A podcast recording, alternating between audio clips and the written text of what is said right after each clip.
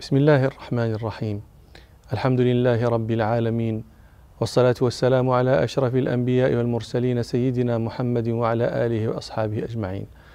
أمر رسول الله صلى الله عليه وسلم عمه العباس أن يفدي نفسه فأبى وتعلل. روى أحمد والحاكم والبيهقي وغيرهم أن رسول الله صلى الله عليه وسلم قال للعباس افدي نفسك وابني أخويك نوفل بن الحارث بن عبد المطلب وعقيل بن أبي طالب بن عبد المطلب وحليفك عتبة بن جحدم. فأبى وقال آه، إني كنت مسلما وإنما استكرهوني. فقال له رسول الله صلى الله عليه وسلم الله أعلم بشأنك إن يكما تدعي حقا فالله يجزيك به. وأما ظاهر امرك فقد كان علينا. فطلب منه أن يحسب مالا كان النبي صلى الله عليه وسلم أخذ منه آه، عشرين أوقية ذهبا. فقال يا رسول الله احسبها من فداية. فقال النبي صلى الله عليه وسلم لا ذاك مال أعطاناه الله منك. فافد نفسك. فقال له العباس فإنه ليس لي مال.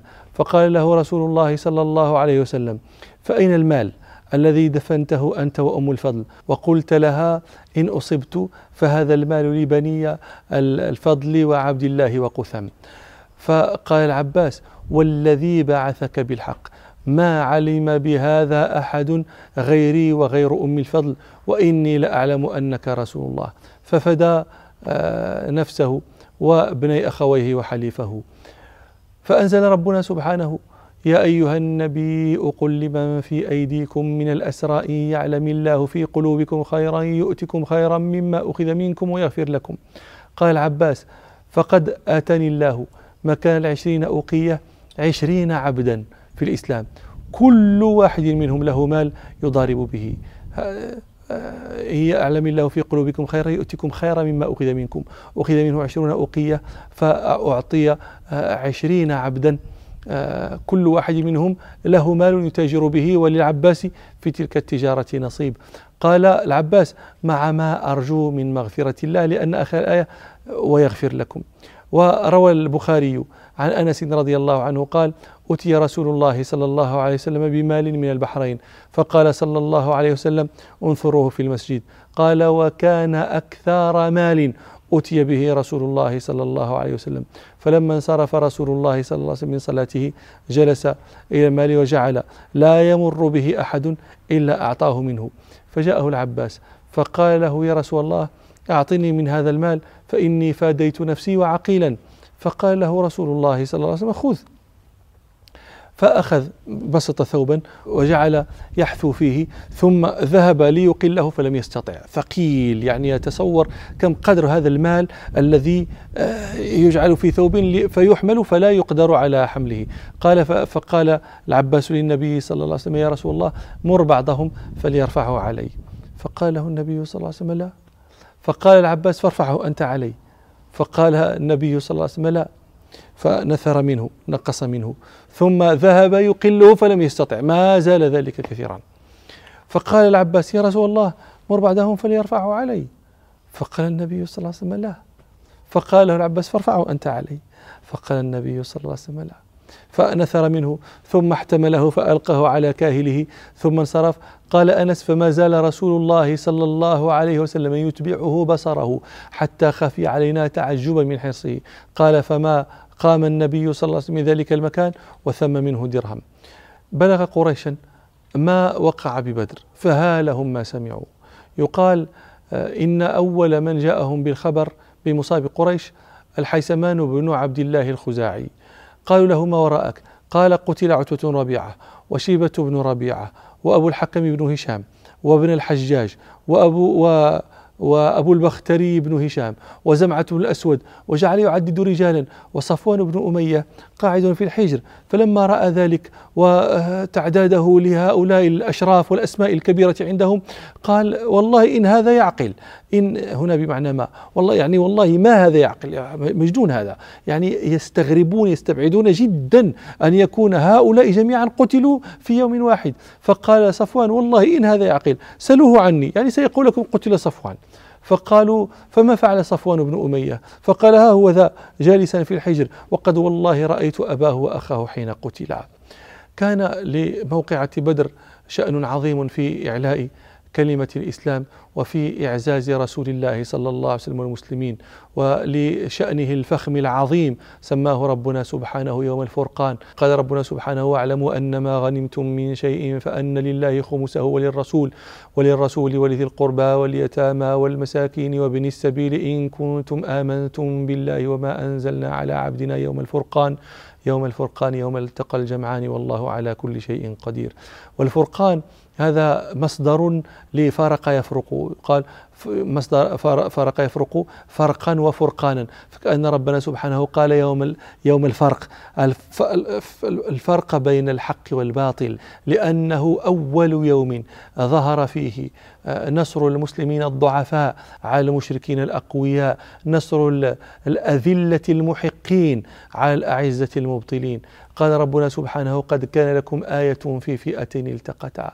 الآية أن الفئة القليلة الضعيفة القليلة العدد الضعيفة العدة غلبت الفئة الكثيرة القوية الفئة الكثيرة العدد القوية العدة. هذا لا يكون في آه، الشاهد فيما يعتاده الناس. هذا لا يكون.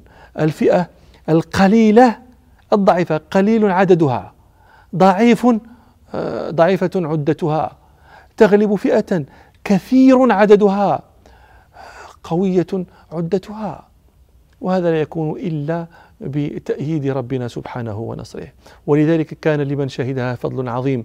روى البخاري في صحيحه عن رفاعة بن رافع الزرقي رضي الله عنه أن جبريل قال لرسول الله صلى الله عليه وسلم ما تعدون أهل بدر فيكم. فقال رسول الله صلى الله عليه وسلم من أفضل المسلمين أو كلمة نحوها. فقال جبريل عليه السلام وكذلك من شهد بدرا من الملائكة. وروى أبو داود في سننه عن أبي هريرة رضي الله عنه أن رسول الله صلى الله عليه وسلم قال اطلع الله على أهل بدر. فقال اعملوا ما شئتم فقد غفرت لكم. وكذلك في الحديث الذي رواه البخاري ومسلم في صحيحيهما في قصة حاطب بن أبي بلتعة رضي الله عنه عندما بعث إلى قريش يفشي لهم سر رسول الله صلى الله عليه وسلم ونيته في آه، قصدهم ليفتح مكة. فأخبر جبريل نبي الله صلى الله عليه وسلم بذلك فقال عمر رضي الله عنه للنبي صلى الله عليه وسلم دعني فلأضرب عنق هذا المنافق. فقال رسول الله صلى الله عليه وسلم إنه شهد بدرا وما يدريك لعل الله اطلع على أهل بدر فقال اعملوا ما شئتم فقد غفرت لكم. وقد قيل في بدر أشعار كثيرة جدا. من ذلك دالية حسان بن ثابت رضي الله عنه التي يقول فيها لقد علمت قريش يوم بدر غداة الأسر والقتل الشديد بأن حين تشتجر العوالي حماة الحرب يوم أبي الوليد. العوالي الرماح واشتجارها اشتباكها. فيقول وأبو الوليد الذي يذكره هو عتبة بن ربيعة. يقول لقد علمت قريش يوم بدر غداة الأسر والقتل الشديد بأن حين تشتجر العوالي حماة الحرب يوم أبي الوليد قتلنا ابني ربيعة حين سارا إلينا في مضاعفة الحديد. وفر بها حكيم يوم جالت بنو النجار تخطر كالأسود فولت عند ذاك جموع فهر ولم يلو على الحسب التليد. لقد لاقيتم ذلا وقتلا جهيزا نافذا تحت الوريد. وقال حسن بن ثابت رضي الله عنه أيضا قتلنا سرات القوم عند مجالنا فلم يرجعوا إلا بقاصمة الظهر. قتلنا أبا جهل وعتبة وابنه وشيبة يكبو لليدين وللنحر.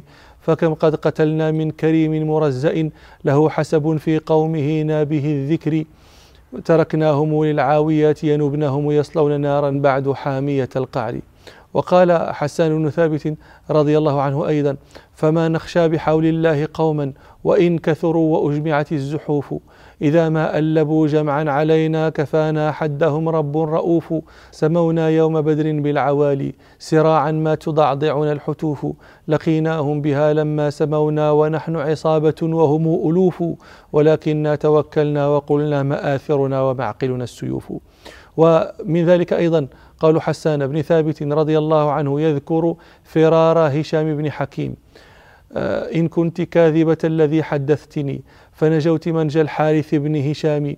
ترك الأحبة أن يقاتل دونهم ونجا برأس طمرة ولجام ملأت به الفرجين وارمدت به وثوى أحبته بشر مقامي وبنو أبيه ورهطه في معرك نصر الإله به ذوي الإسلام. طحنتهم والله ينفذ أمره حرب يشب سعيرها بضرام. لولا الإله وجريها لتركنه جزر السباع ودسنه بحوام وأجابه الحارث بن هشام معتذرا عن فراره يقول الله يعلم ما تركت قتالهم حتى رموا مهري بأشقر مزبدي ووجدت ريح الموت من تلقائهم في مأزق والخيل لم تتبدد وعرفت أني إن أقاتل واحدا أقتل ولا يضرر عدوي مشهدي فصددت عنهم والأحبة فيهم طمعا لهم بعقاب يوم مرصدي. وقال كعب بن مالك رضي الله عنه في يوم بدر ألا هل أتى غسان في نأي دارها؟ وأخبر شيء بالأمور عليمها بأن قد رمتنا عن قسي عداوة معد معا جهالها وحليمها لأنا عبدنا الله لم نرج غيره. رجاء جنان إذ أتانا زعيمها نبي صلى الله عليه وسلم. نبي له في قومه إرث عزة وأعراق صدق هذبتها أرومها. فساروا وسرنا فالتقينا كأننا أسود لقاء لا يرجى كليمها. ضربناهم حتى هوى في مكرنا لمنخر سوء من لؤي عظيمها. فولوا فدسناهم ببيض سواء صوارم سواء علينا حلفها وصميمها. وقال ضرار بن الخطاب بن مرداس الفهري في يوم بدر وهو كافر يومئذ. عجبت لفخر الأوس والحين دائر عليهم غدا والدهر فيه بصائر. وفخر بني النجار أن كان معشر أصيبوا ببدر كلهم ثم صابر فإن تك قتلى غودرت من رجالنا فإنا رجالا بعدهم سنغادر وتردي بنا الجرد العناجيج وسطكم بني الأوس حتى يشفي النفس ثائر ووسط بني النجار سوف نكرها لها بالقنا والدارعين زوافر. إلى أن يقول زاعما أن النصر, النصر في بدر كان بسبب قريش وعلى رأسهم رسول الله صلى الله عليه وسلم ليزعم بذلك أن آه، الأنصار ليسوا أهل بأس ولا معرفة لهم بالقتال. يقول فإن تظفروا في يوم بدر فإنما بأحمد أمسى جدكم صلى الله عليه وسلم بأحمد أمسى جدكم وهو ظاهر وبالنفر الأخيار هم أولياؤه يحامون في اللأواء والموت حاضر. يعد أبو بكر وحمزة منهم ويدعى علي وسط من أنت ذاكر ويدعى أبو حفص وعثمان منهم وسعد إذا ما كان في الموت حاضر. أولئك لا من نتجت في ديارها بنو الأوس والنجار في من تفاخر ولكن أبوهم من لؤي بن غالب إذا عدت الأنساب كعب وعامر. فأجابه كعب بن مالك رضي الله عنه وهو أنصاري يقول له عجبت لأمر الله والله قادر على ما أراد ليس لله قاهر قضى يوم بدر أن نلاقي معشرا بغوا وسبيل البغي بالناس جائر وقد حشدوا واستنفروا من يليهم من الناس حتى جمعهم متكاثر وسارت إلينا لا تحاول غيرنا بأجمعها كعب جميعا وعامر. وفينا رسول الله صلى الله عليه وسلم وفينا رسول الله والأوس حوله له معقل منهم عزيز وناصر وجمع بني النجار تحت لوائه يمشون في الماذي والنقع ثائر. الماذي آه، كل سلاح من الحديد آه، المغفر والدرع ونحو ذلك. ورهط بني النجار تحت لوائه يمشون في الماذي والنقع ثائر. فلما لقيناهم وكل مجاهد لأصحابه مستبسل ثم صابر شهدنا بأن الله لا رب غيره وأن رسول الله بالحق ظاهر. وقد عريت بيض خفاف كأنها مقابيس يزهيها لعينيك شاهر. بهن أبدنا جمعهم فتبددوا وكان يلاقي الحين من هو فاجر. فكب أبو جهل صريعا لوجهه وعتبة قد غادرنه وهو عائر وشيبة والتيبي غادرن في الوغى وما منهم إلا بذي العرش كافر. فأمسوا وقود النار في مستقرها نسأل الله العافية. فأمسوا وقود النار في مستقرها. وكل كفور في جهنم صائر. تلظى عليهم وهي قد شب حميها بزبر الحديد والحجارة ساجر. وكان رسول الله قد قال أقبلوا فولوا وقالوا إنما أنت ساحر. لأمر أراد الله أن يهلكوا به وليس لأمر حمه الله زاجر. وقال عبد الله بن الزبعرى السهمي وهو يومئذ كافر يبكي قتل بدر. ماذا على بدر وماذا حوله؟